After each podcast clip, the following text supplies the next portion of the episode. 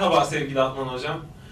Gitgide ben dinden uzaklaştığımı hissediyorum. Bu konuyla ilgili bana nasıl yardımcı olabilirsiniz? Çok teşekkürlerimi sunuyorum size. E, güzel yüzlüm size sunulan din zaten cehennem dini, azap dini,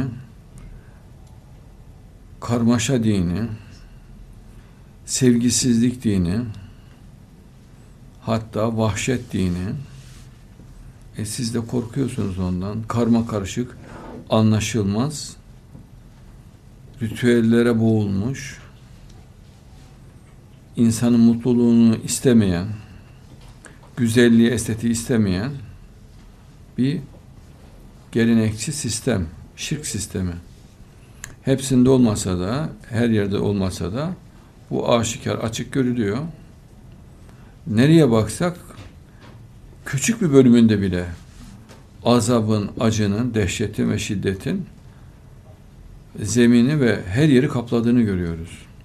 E böyle bir sistemde de gençler tabii dehşet ve korku içinde İslam'dan kaçıyorlar. Ateizme, deizme doğru gidiyorlar.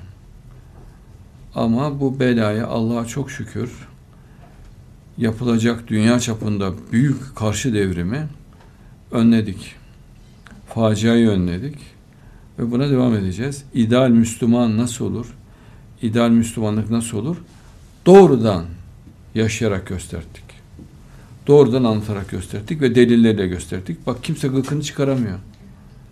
Yani bak yanlışsın diyen yok. Ancak işte asarım, keserim, doğrarım falan tarzında konuşmalar oluyor.